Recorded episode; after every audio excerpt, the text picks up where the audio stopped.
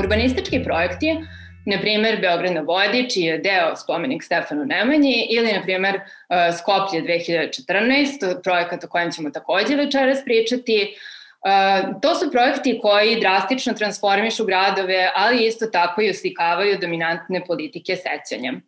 Kroz spomenički i simbolički aspekte ovih urbanističkih projekata nastoji se uspostaviti kontinuitet nacije ili čak kontinuitet državnosti sa srednjim vekom, odnosno antikom. Ono što je zajedničko jednom i drugom uh, poduhvatu, da tako kažem, dakle i u Srbiji i u Severnoj Makedoniji, je otklon od Jugoslavije jugoslovenstva i izgradnja postjugoslovenskih nacionalnih identiteta zasnovanih na mitologizovanim narativima o dalekoj prošlosti. U Srbiji je takođe primetna i tendencija da se nastojanje, da se, da se tim insistiranjem na srednjem veku kao zlatnom dobu srpske istorije na neki način prikriju uh, neki drugi, ne baš slavni istorijski periodi, tu, tu pre svega mislim na 90. godine prošlog veka i rastave na prostoru bivše Jugoslavije, tokom kojih su počinjeni brojni ratni zločini. Branislave, vas bih htela da pitam, Koja je uloga spomenika u izgradnji nacije i nacionalnog identiteta? Spomenika uopšte, a onda i koja je uloga ovog konkretnog spomenika koji je povod za večerašnju diskusiju? Taj, kako da kažemo, nacionalni falus koji predstavlja uh, ovaj, um, kako se zove Stefan, spomenik Stefana Nemanji, je kao i uvek, kako da kažemo, zapravo zamena za neki nedostatak, je tako? Znači, onoj bazičnoj nekakvoj psihoanalitičkoj teoriji. Način na koji je, znači, taj spomenik nastao, znači, sama komisija koja se u većini sastojala od političara, ne od stručnjaka. Čovek koji je zaista bio stručan u toj komisiji, Midro Živković, je istupio iz te komisije i dao jedno vrlo oštro saopštenje. A da ne pominjamo sad ove okolnosti okolnosti jel da, u kojima se ne može saznati apsolutno ništa o detaljima ugovora o novcu koji je e, umetnik Dejan Tanacković i književnik koji se jako angažovao oko ovoga pitanja je dobio i rešenje poverenika o, o, za informacije, jel da, da je grad dužan da, kako da kažem, nas obavesti o svemu tome, grad naravno ćuti i to nije jedino pitanje o kojima ćute. Ali da se vratim na ovu, kako da kažem, ovo prikrivanje, ja mislim da se zaista radi o jednom, o jednom prikrivanju, pre svega ban banalnom prekrivanju toga da Beograd nema železničku stanicu, jer se on nalazi ispred te zgrade bivše zajedničke stanice koja je defunkcionalizovana i ne, opet ne zna se tačno šta će u njoj biti, vjerojatno taj neki muzej Nemanjića, do svih drugih problema infrastrukturnih na isti način kao što se danas vlast ponaša u Skupštini Srbije, tako što drekom, vikom zapravo sakriva to da je ona, kako da kažemo, u potpunosti odgovorna, nema opozicije da je u potpunosti odgovorna za ovo zbivanje. Znači, to je ta, ta, ta forma nasilja u kojoj vi zapravo, kako da neke nedostatke zamenjujete, zamenjujete ovim. E, inače, što se tiče jel da, samog spomena, ne tog spomena, nego celo ovog fenomena, naravno Skoplje je tu taj famozan primer, jel da svi smo ovde mislili da se nama neće dogoditi Skoplje, evo, ipak se dogodilo. Sve je to jedna tema koja je za teoriju kulture nekako, kako da kažem, kao i sama tema više pase. Zato što mi smo sve ovo u teoriji kulture čitali još 90. godina. I meni kad god padne na pamet ovo pitanje kako objasniti, jel da ovaj fenomen, ovo što mi sada živimo, pa to se već sve nalazi recimo u knjizi Frederika Jamesona, jel da je obiljene 91. godine, znači gde je potpuno cela stvar opisana. Ja ću samo da početam prvu rečenicu iz ove čuvene Jamesonove knjige koje kaže, sad na brzaka prevazim sa engleskog, najbezbedniji način da se uh, ovaj shvati pojam postmodernog jeste da se on shvati kao pokušaj da se misli sadašnjost istorijski u vremenu koje je zaboravilo da misli istorijski.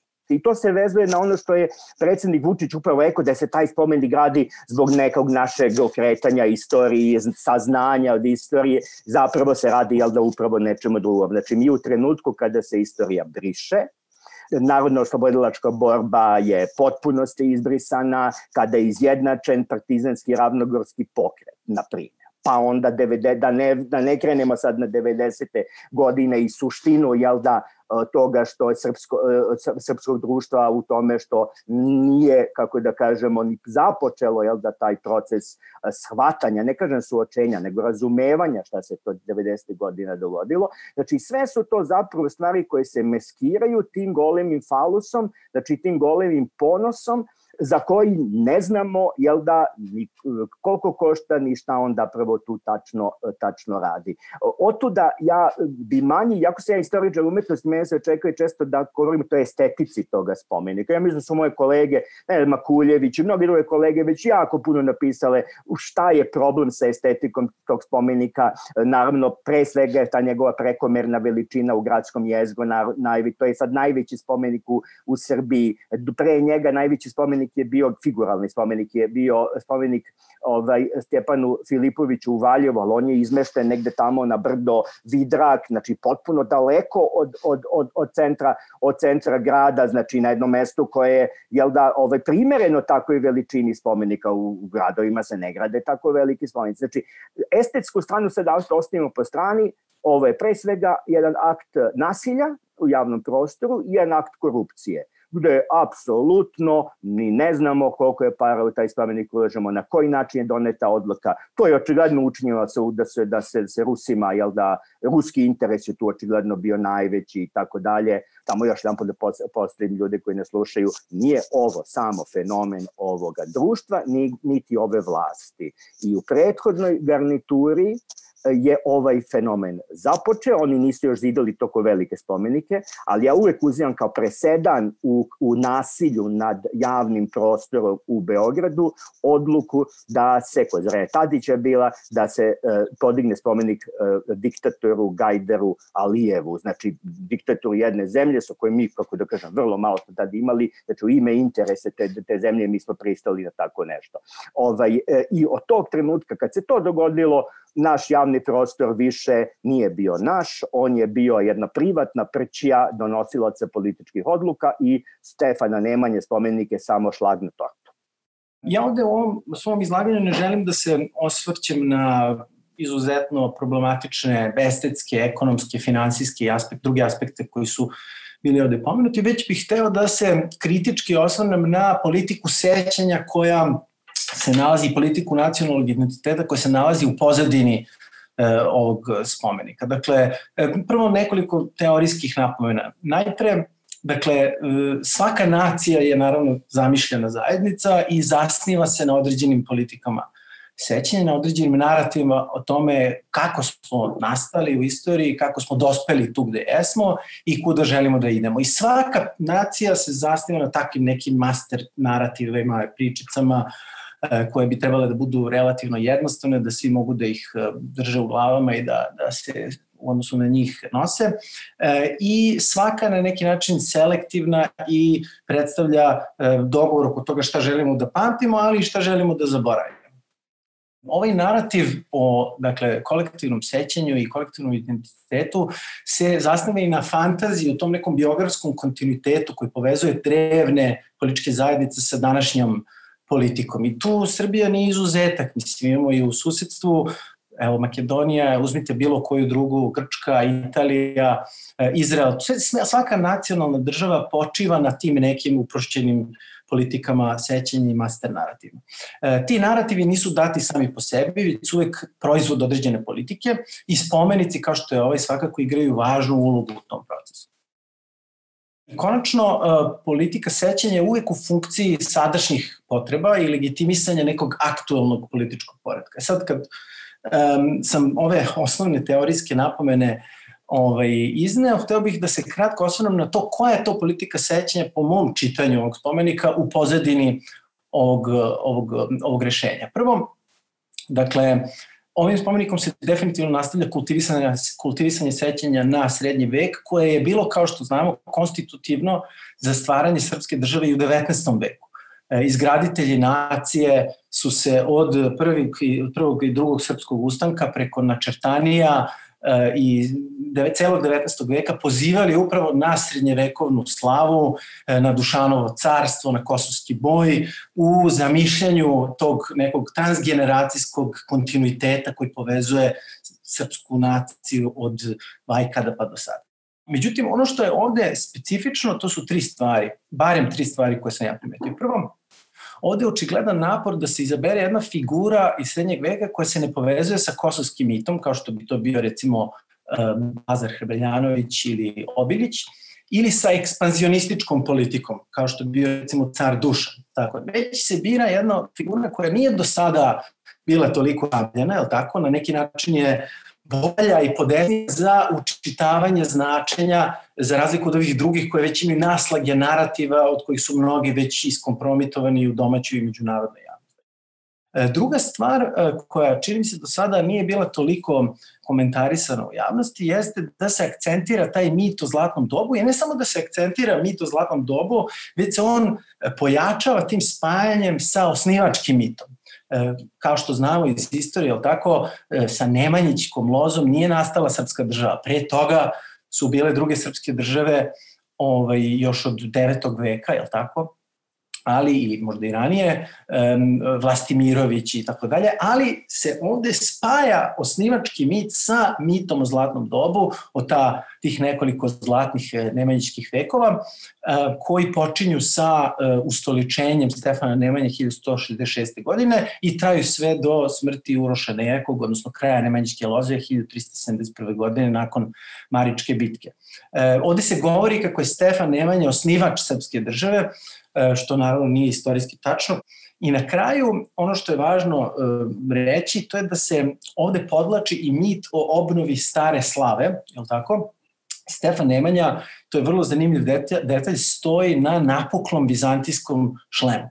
U 19. veku su se um, izgraditelji države vrlo često pozivali na to Dušanovo carstvo i govorili su o tome kako je Dušan bio na ivici da osvoji Carigrad i da Srbi dođu da zaposednu e, Bizantiju. Inače, vizantijski sistem država je bio sizerenski sistem država, ne suveren. To u teoriji međunarodnih odnosa um, znači da suština sizerenskih sistema država nije u tome da sačuvate svoju nezavisnost i da kroz uh, ravnotežu sila sprečite velikog jednog, jednu državu da postane hegemon, nego je suština sizeranskih sistema da vi dospete u sam centar tog sistema, da osvojite jezgro, je li tako?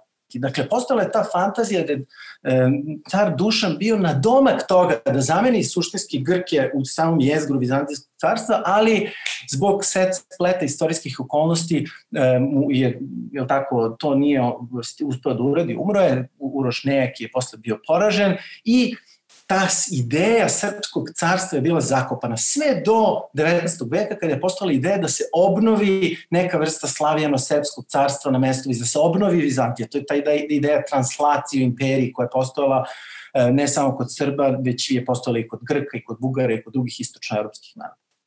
E sad, zašto je ovo važno? Zato što se e, ovakvim rešenjem, ja ne znam šta je autor hteo da kaže time što e, Stefan Nemanja stoji na vizantijskom šlemu. Inače, znamo da je Stefan Nemanja bio poražen od Vizantije u bici kod Morave 1190. godine i ovaj, morao da vrati sve teritorije koje je osvojio pre toga e, ovaj, iskoristivši treći krstaški pohod i tako dalje, ali je bio priznat od strane Vizantije, ne kao suveren, jer suverenost kao savremena ideja nije postala, već je bio e, priznat kao e, relativno nezavisna, ali vazalna država.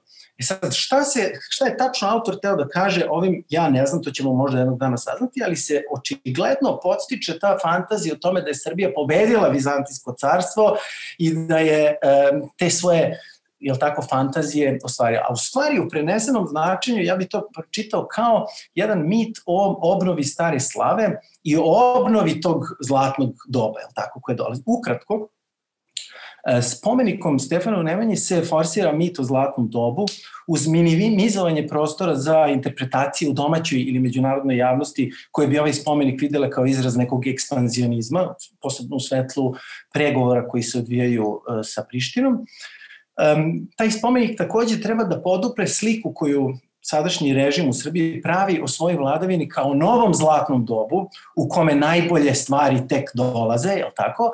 Ali i o predsedniku Vučiću kao o obnovitelju srpske veličine i nezavisnosti nakon decenija poniženja i slabosti. Sad malo da, da pređemo u Makedoniju. Projekat Skoplje 2014, do koji ste, verujem, svi, svi čuli, je uh, urbanistički projekat u okviru kojeg su izgrađena, uh, po podacima koje sam ja prenašla, 34 spomenika, uh, preko 80 skulptura, sve to zajedno je koštalo više od pola milijarde eura.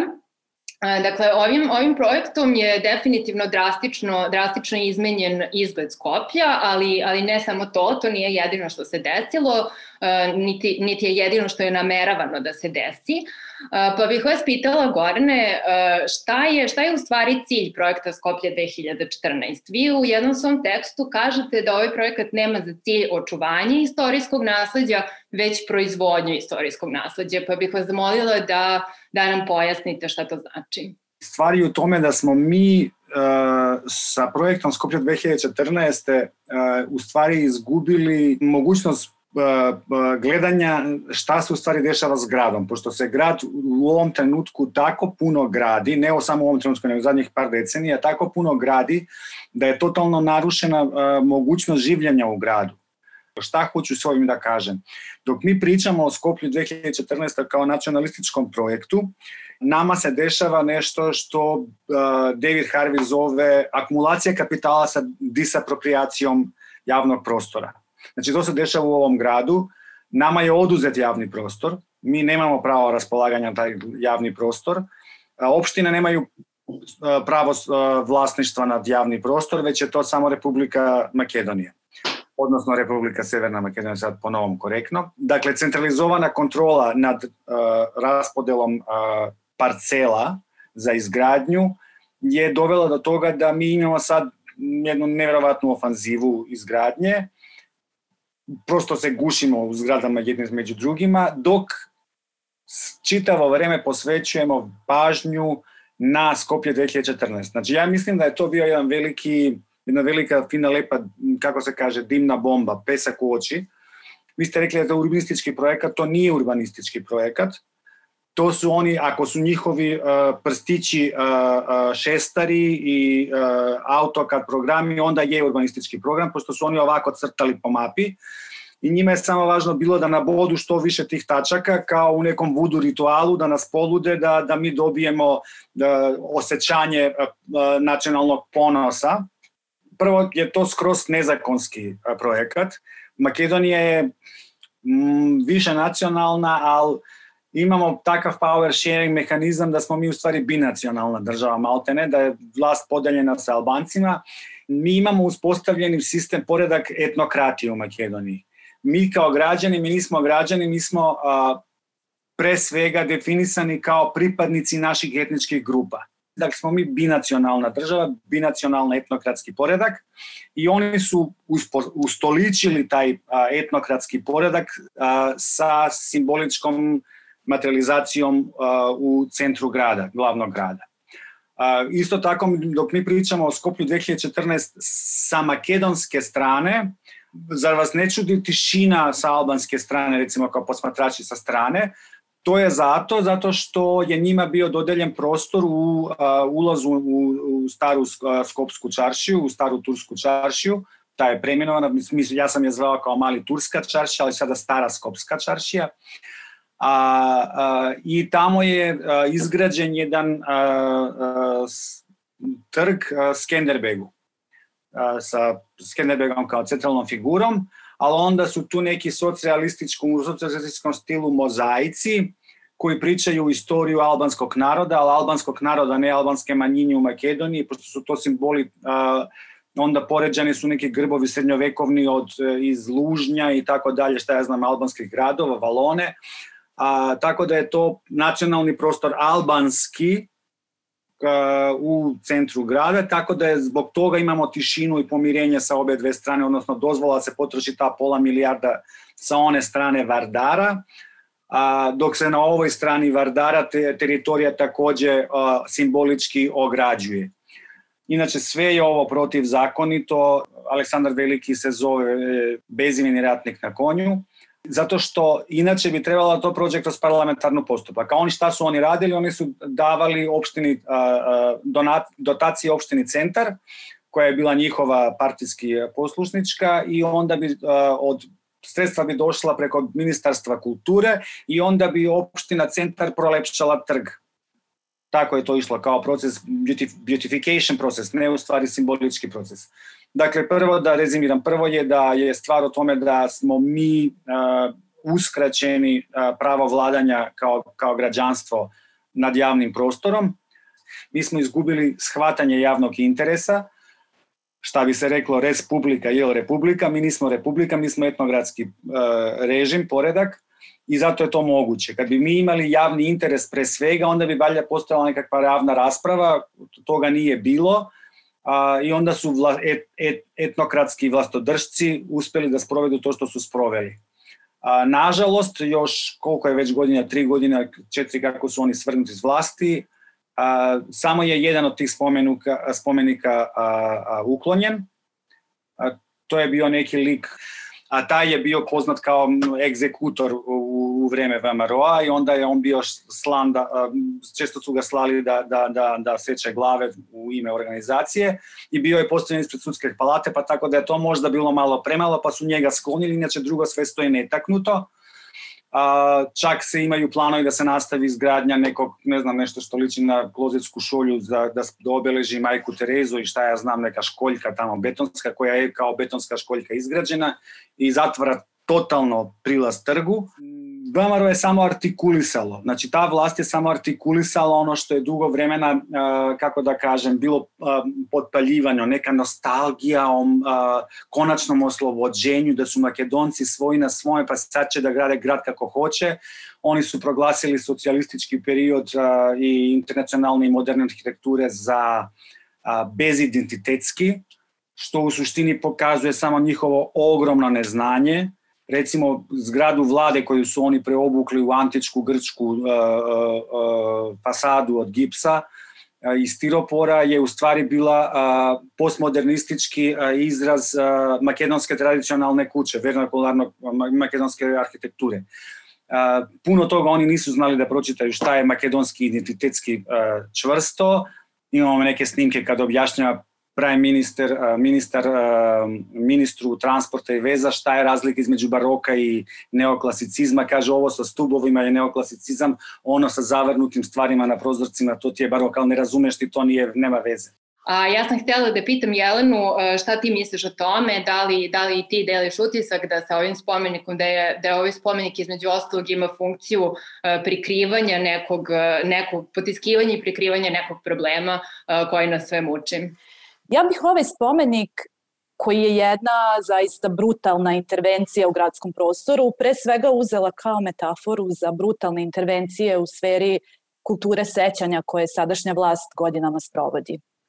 Takođe, s obzirom na to da je inicijativa za ovaj spomenik došla kao od Aleksandra Vučića kao građanina, ne predsednika države, spomenik je i simbol jednog autoritarnog načina odlučivanja i jednog veoma autoritarnog odnosa prema kulturi sećanja.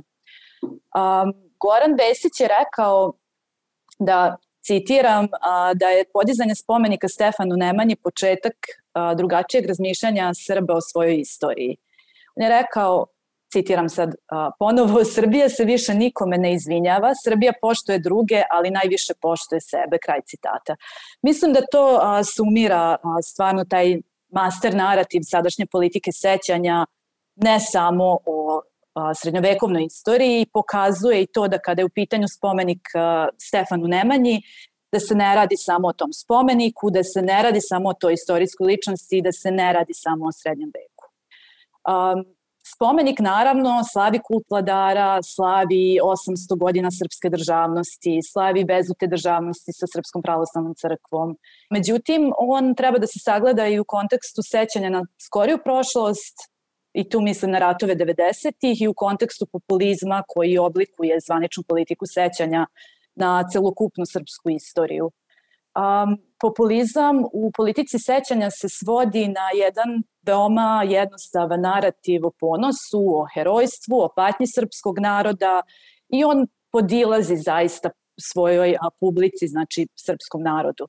Mislim, meni je ovaj spomenik zaista odličan primer za neki širi kontekst politike sećanja, zato što isto tako što se, kao što se svaki napad na taj spomenik tretira kao napad na srpski identitet, što smo videli u baš dosta izjava a, zvaničnika, tako je tretirano i svako ukazivanje na činjenice o ratovima 90-ih.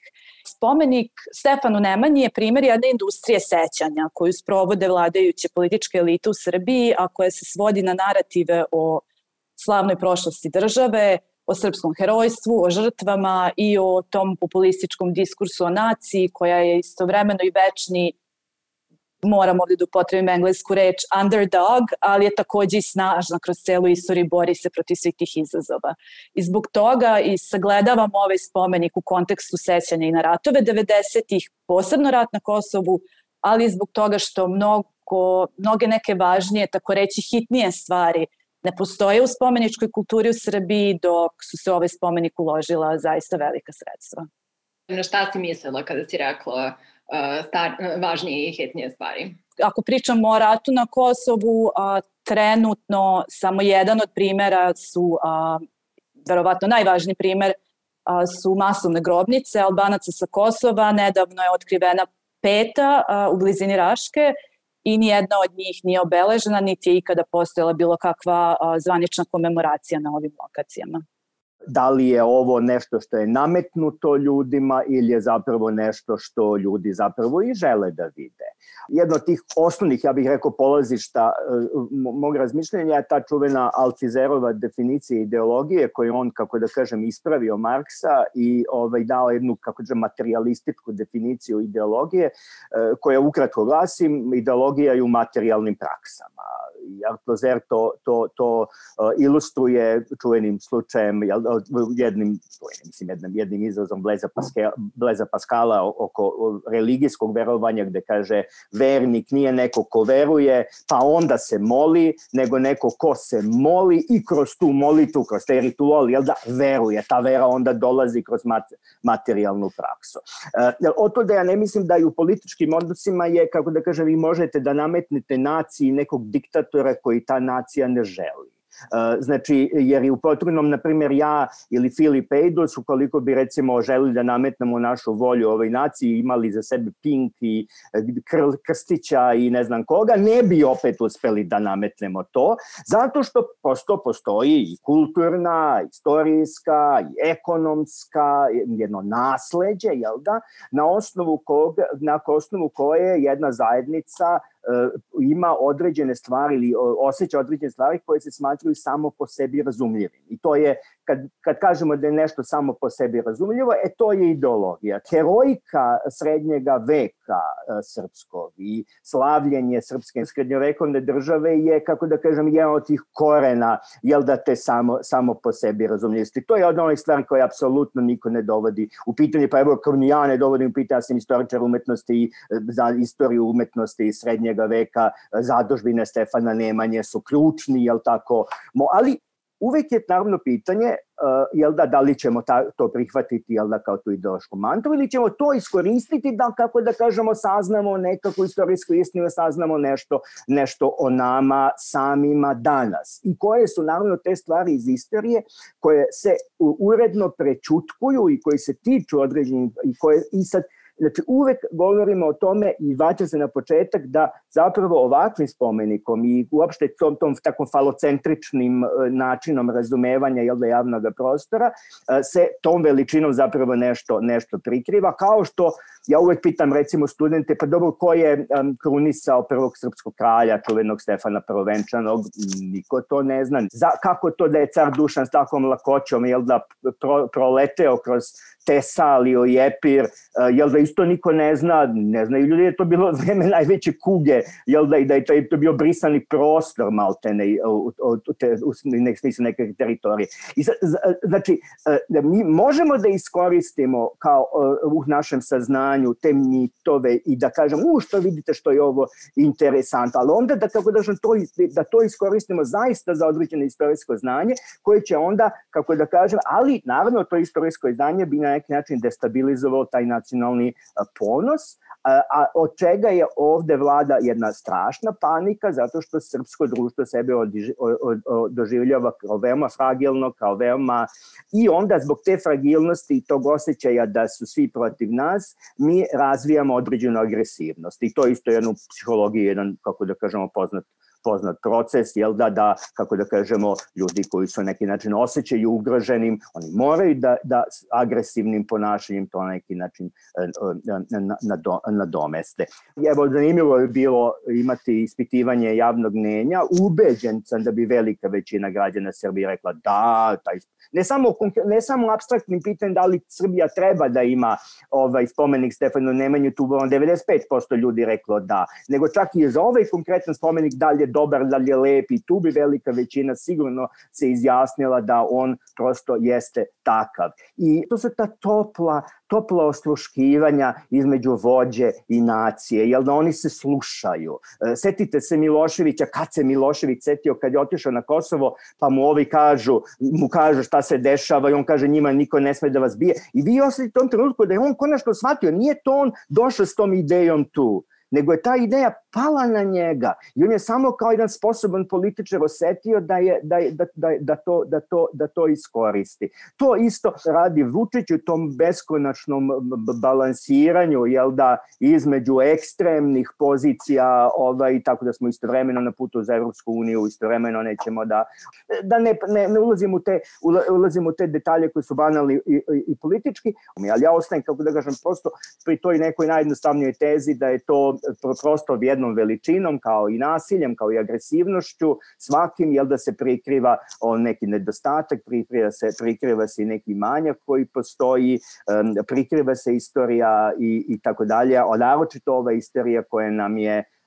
jako traumatična, a ona se pre svega odnosi na ulogu Srbije u ratovima, u ratovima 90-ih. Htio bih samo da se nadovežem na ono što je i Branislav malo čas rekao, zato što mislim da su stvari izuzetno povezane. Dakle, upravo zbog te fragilnosti nacionalnog projekta, ali ne samo srpskog nacionalnog projekta, nego svakog nacionalnog projekta, zbog toga što je svaki nacional, svaka ideja o nacionalnom identitetu se zasniva u stvari na e, ovom procesu zamišljanja, selekciji, zaboravljanju i tako dalje. I stalno je u nekoj vrsti situacije, dakle, pod pretnjom da bude, da, da, se, da se taj nedostatak koji postoji, da se to sve to što je kolektivno zaboravljeno nekako izbije na površinu i da se sve neravnine i sva pluralnost i sva fluidnost e, tog kolektivnog identiteta e, ne izađe na videlo, upravo zbog toga nacijama su potrebni ontički prostori, ne samo nacija, svim kolektivnim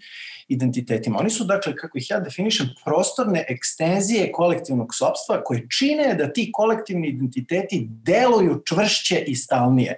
Dakle, ta fantazija o kolektivnom sobstvu se u stvari ojačava e, sa konstruisanjem tih ontičkih prostora. E sad, kako je e, Kosovo zapravo nastalo kao antički prostor. E, ja u svojoj knjizi e, osnovcem naravno na postojeću historiografiju, pošto nisam istoričar i to nisu neki spektakularni e, novi podaci, ali jeste interpretacija možda drugačija. E, to je da je Kosovo početkom 19. veka i prije toga pre svega bilo u domenu legende, tako, nije se vezivalo za teritoriju. Vezivalo se za sećanje na kosovski boj, kroz pesme, kroz kosovski ciklus, kroz generalno sećanje na tu bitku koja je omogućavala tadašnjem, tada hrišćanskom stanovništvu koje se sve više osjećalo i nacionalno povezano, e, neku vrstu zajed, osjećanja zajedničke sudbine. Međutim, tek u drugoj polovini 19. veka zbog spleta geopolitičkih okolnosti ta, ta legenda dobija i svoj teritorijalni aspekt, odnosno dimenziju. E, sve do tada, e, ja opet se oslanjam na načrtanije, ali ima i puno drugih dokaza koji govore o tome, e, tokom čitavog 19. veka Srbija je imala ambiciju da se širi ka Bosni. A inače to nije bilo samo, nije bilo samo obeležje Srbije da je žela neku vrstu ekspanzionizma, tada je u stvari bilo normalno ako želiš da si evropska država, da želiš da se negde širiš, je tako? Nije to bila neka, ne, ne, ne, neki srpski sport, već su sve države, čak i one koje su neevropske, koje su žele da uđu u međunarodni sistem, kao što je recimo Japani, da budu prihvaćene kao jednake, morale da imaju svoju neku manđuru ili neki svoj prostor gde bi mogle da demonstriraju svoju nadmoć i svoj ekspanzionizam. Srpski ekspanzionizam je bio usmeren ka Bosni.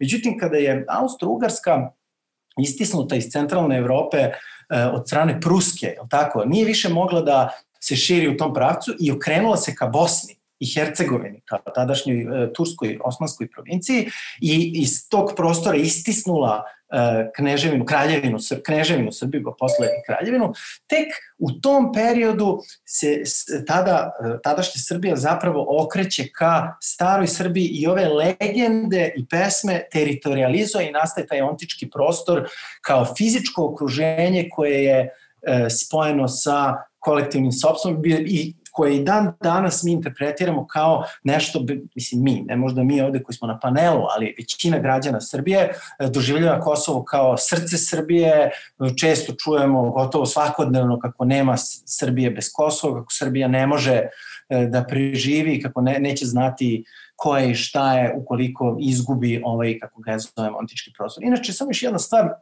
vezano za tu fražilnost, neke nacije su fražilnije od nekih drugih. Ja bih se onda oslonio i na Kunderin pojem malih naroda. To su oni narodi ne koji su mali u nekom e, demografskom smislu, to mogu da budu u demografskom smislu ogromni narodi, mislim, da, mnogoljudni narodi, tako? ali su mali u smislu da su stalno egzistencijalno ugroženi, odnosno doživljavaju stalne anksioznosti, strahove i strepnje po pitanju svoje budućnosti, svoje prošlosti. Neko im osporava jezik, drugi im osporavaju prošlost zajedničku, neko želi da ih baci u sredozemlje. Dakle, i Srbija u tom smislu takođe pripada tom krugu malih naroda koji stalno strahuju zajedno sa jevrejima i sa sa, sa mnogim drugim, recimo centralno-evropski narodi su pokunderi takođe mali narodi e, i zbog toga se možda grčevitije drži za taj ontički prostor, upravo zbog toga što je taj e, nacionalni projekat tako fražilan i zbog toga što ima toliko osporavanja. E sad, kako je e, taj ontički prostor uticao na rat tokom 90-ih? E, pa svakako e, je rezultirao u jednom daleko histeričnijem i agresivnijem držanju za taj prostor i za tu teritoriju, obeležio jednu i uslovio jednu beskompromisnu borbu za očuvanje Kosova u sastavu Srbije, koja je delovala i mnogima u zemlji, ali i većini spoljnih posmatrača kao, kao, kao potpuno iracionalna. A u stvari je bila motivisana ovom potrebom da se održi biografski kontinuitet i da se održi taj narativ o sebi koji je tako e, prisno vezan za taj ontički prostor.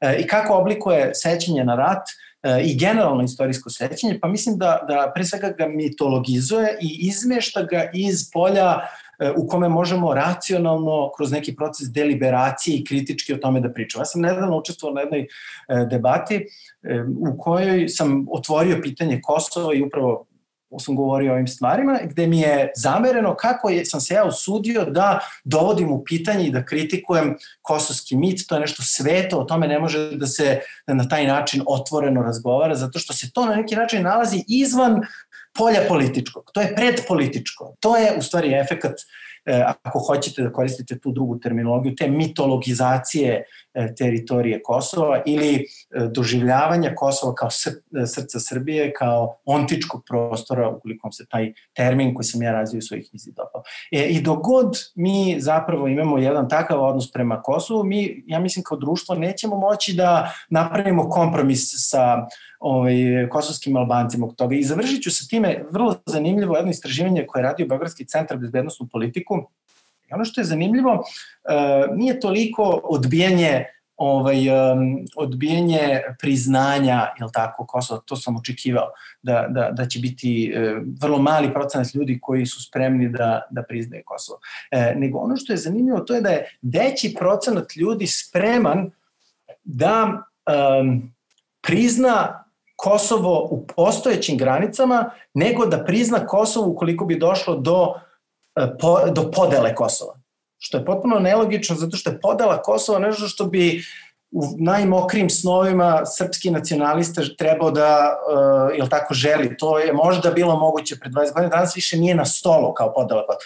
Ali uh, samo 4% građana je spremno da prizna Kosovo nakon podele, a 8 ili 9 je spremno da prizna ukoliko u postojećim uh, granicama što je još jedan dokaz da je došlo do sakralizacije teritorije. U komparativnoj literaturi iz političkih nauka e, je dobro poznat taj fenomen e, oko nepodeljivosti sakralizovanih teritorija. Sakralne teritorije se ne dele.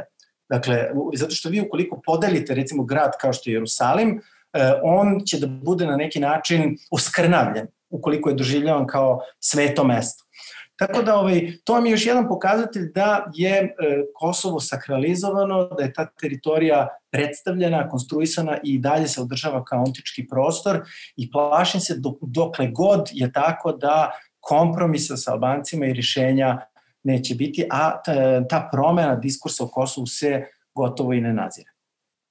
Gorane, htela bih vas da pitam kakav je odnos između makedonskog nacionalizma s jedne strane i arhitekture e, s druge strane. Na koji način ovi, e, ti, e, vi kažete da nije urbanistički projekat, ok, ali na koji način te nove intervencije u gradu utiču na redefinisanje odnosa između, između etničkih grupa u Severnoj Makedoniji?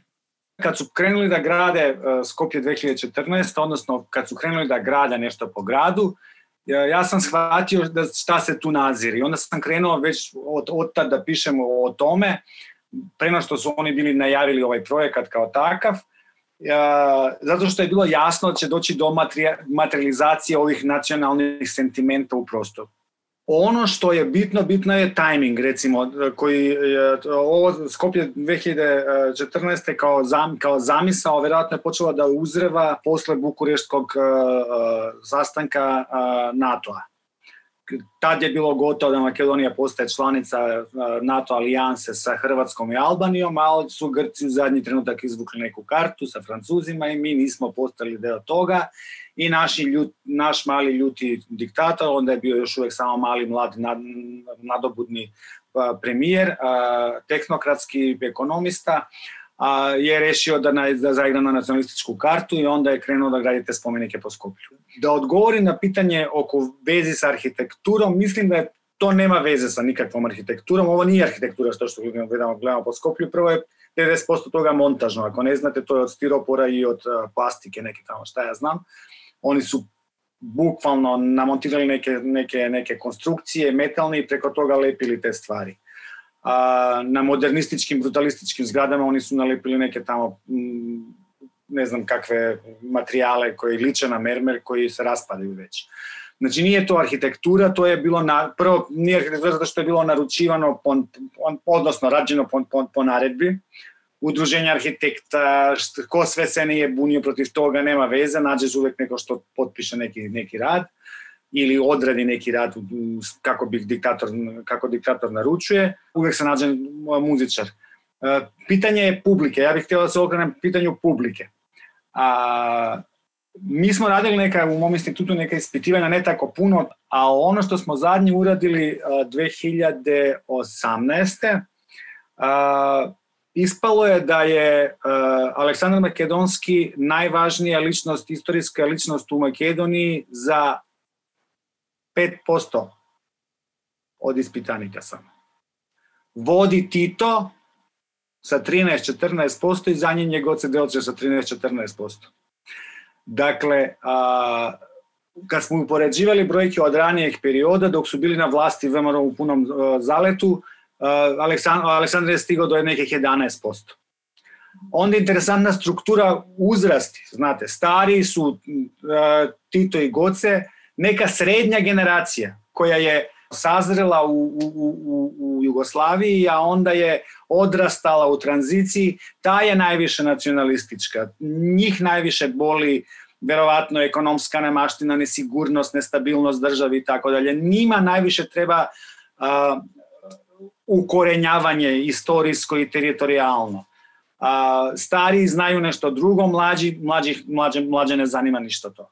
Nije uvek da, da ovi populistički lideri koriste uh, sentiment, već ga stvaraju. I u tome je opasnost kad vi imate ovakav projekat u prostoru, da ne možete biti indiferentni prema tome što je oko vas. Prvo sa estetskog nivoa. To bode oči, to, to štipe kao, kao smrad. A, to se ne da gledati. A, drugo, a, nek bude to takvo kakvo jeste i nacionalističko i šta ja znam i seksističko, pošto nema žena na spomenicima i tako dalje, a, ali onda vi odrastate decu u takvom prostoru koji pošto je tamo i koji što je javni, koji što je svačiji, a, ispada da je normalizovan i onda vi a, edukujete tu decu da, da, da prihvate to kao normalnu estetiku, kao normalnu ideologiju. A, stoga je, da, nacionalizam i arhitektura su jako povezani, ali stoga nam je još više hitno a, intervencija u smislu otklanjanja tog nacionalističkog otpada iz javnog prostora grada. Vidite, svi totalitarni režimi barataju sa, sa jednom veoma prostom, jednostavnom tehnikom, a to je podela na, na patriote i neprijatelje, na izdajice. I uh, Skoplje 2014. 14. je bilo nemoguće zadebatovati niste mogli kao istoričar umetnosti da, da date svoju procenu o proporcijama, o stilu, o, o, o teksturi, o ničemu. Pošto ste vi, ako bilo kakvu zabelešku imate, vi ste apsolut, automatski izdajica. Vi ste izdajica svog naroda, svoje nacije i tako dalje. Ta kognitivna disonanca je veoma jaka, zato što su oni uspeli da nametnu taj diskurs naši protiv vaših, mi protiv svih neprijatelja i domaćih i spoljašnjih. Tako da ovi nacionalistički, populistički branioci nacionalnih interesa onda mogu da rade sve šta hoće. Mi moramo da, da, da uključimo u debate za oko javnog prostora, javnu sferu i u, u, u debate za javne sfere da uključimo javni prostor. Zato što na kraju krajeva javna se sfera razvijala recimo po Habermasu u, u, u kafejama, po, u Vijeni i u Londonu, ali to su mesta gde su se ljudi skupljali A, znači, a, nama je potrebna ta agora, nama je potrebna ta, to mesto diskusije i mi moramo, evo, budemo optimistični da, da, da je moguće promeniti a, tok stvari. Jelena, da li, da li možeš da nam kažeš i da li, da li uopšte, šta, šta bi ti rekla, koji su preduslovi za uvođenje narativa odgovornosti u javni diskurs? Ovde bih posebno kao primer spomenula absurdni diskurs Aleksandra Vučića o posvećenosti pomirenju, a, koji on zastupa dok istovremeno a, slavi ratne zločince i negira zapravo zločine i genocid. A, posvećenost pomirenju dok se otkriva peta masovna grobnica na teritoriji Srbije sa telima Albanca sa Kosova, koju sam već spomenula kratko, od kojih je jedna tu odmah nedaleko od spomenika Stefanu Nemanji zapravo u Batajnici, pored Beograda, a nijedna nije obeležena. Nastale su u vreme kada je Vučić bio ministar informisanja. Aleksandar Vučić jeste ustao za minut ćutanja za albanske žrtve pre nekoliko meseci, ali to se desilo na jednom sastanku zatvorenog tipa i za zatvorenih vrata, što je neprihvatljivo i nedovoljno i ja tu uopšte ne vidim kao neki pozitivan korak. Istovremeno, se na otkrivanje poslednje masovne grobnice na teritoriji Srbije reaguje sa napadima na kosovske institucije da istraže grobnice sa telima Srba na teritoriji Kosova, a porodicama žrtava čija su tela nađena na teritoriji Srbije se zapravo uopšte ne daje nikako priznanje i uopšte se ne priča o tim grobnicama. Naglasila bih još jednom razlog zbog čega govorim u istom kontekstu o spomeniku Stefanu Nemanji, i ratu na Kosovu, a, iako te dve stvari na izgled zapravo nemaju nikakve veze jedne sa drugima, jednostavno uvek kada pričamo o nekom novom spomeniku a, kojeg je država sagradila, u koji je uložila velika sredstva, koji je dosta prisutan u javnosti, mi moramo istovremeno i da pričamo o onim spomenicima kojih nema, a treba da ih bude, odnosno o događajima koji uopšte nisu obeleženi u javnoj sferi.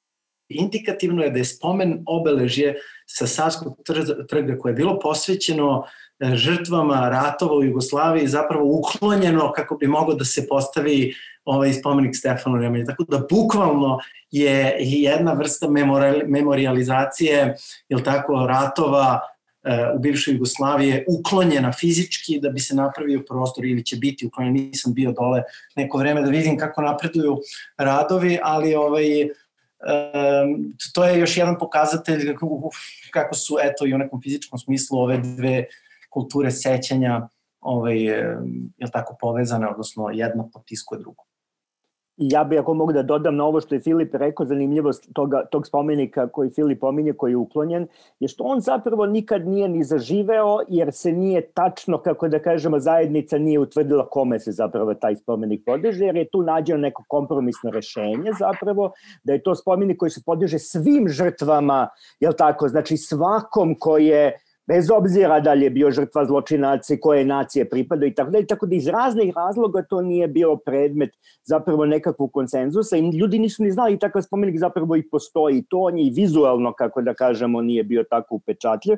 I da podsjetim da je recimo jedna umetnička grupa koja je zvala grupa spomenika, koju je čutao Milica Tomić, Nebojša Milikić Branimir Stojanović, oni su se dugo vremena bavili zapravo tim slučajem na koji način zapravo memorializovati ratove 90-ih i upravo su pokazali kako je to nemoguće takvim spomenikom, jer takav spomenik eh, će zapravo, kako da kažem, nikad to neće postati. I to je, to je danas zaista mnogo, jako veliko pitanje šta je zapravo taj novi tip spomenika, koji to tip spomenika će zameniti te bronzane goleme ljude, muškarce uglavnom i tako dalje.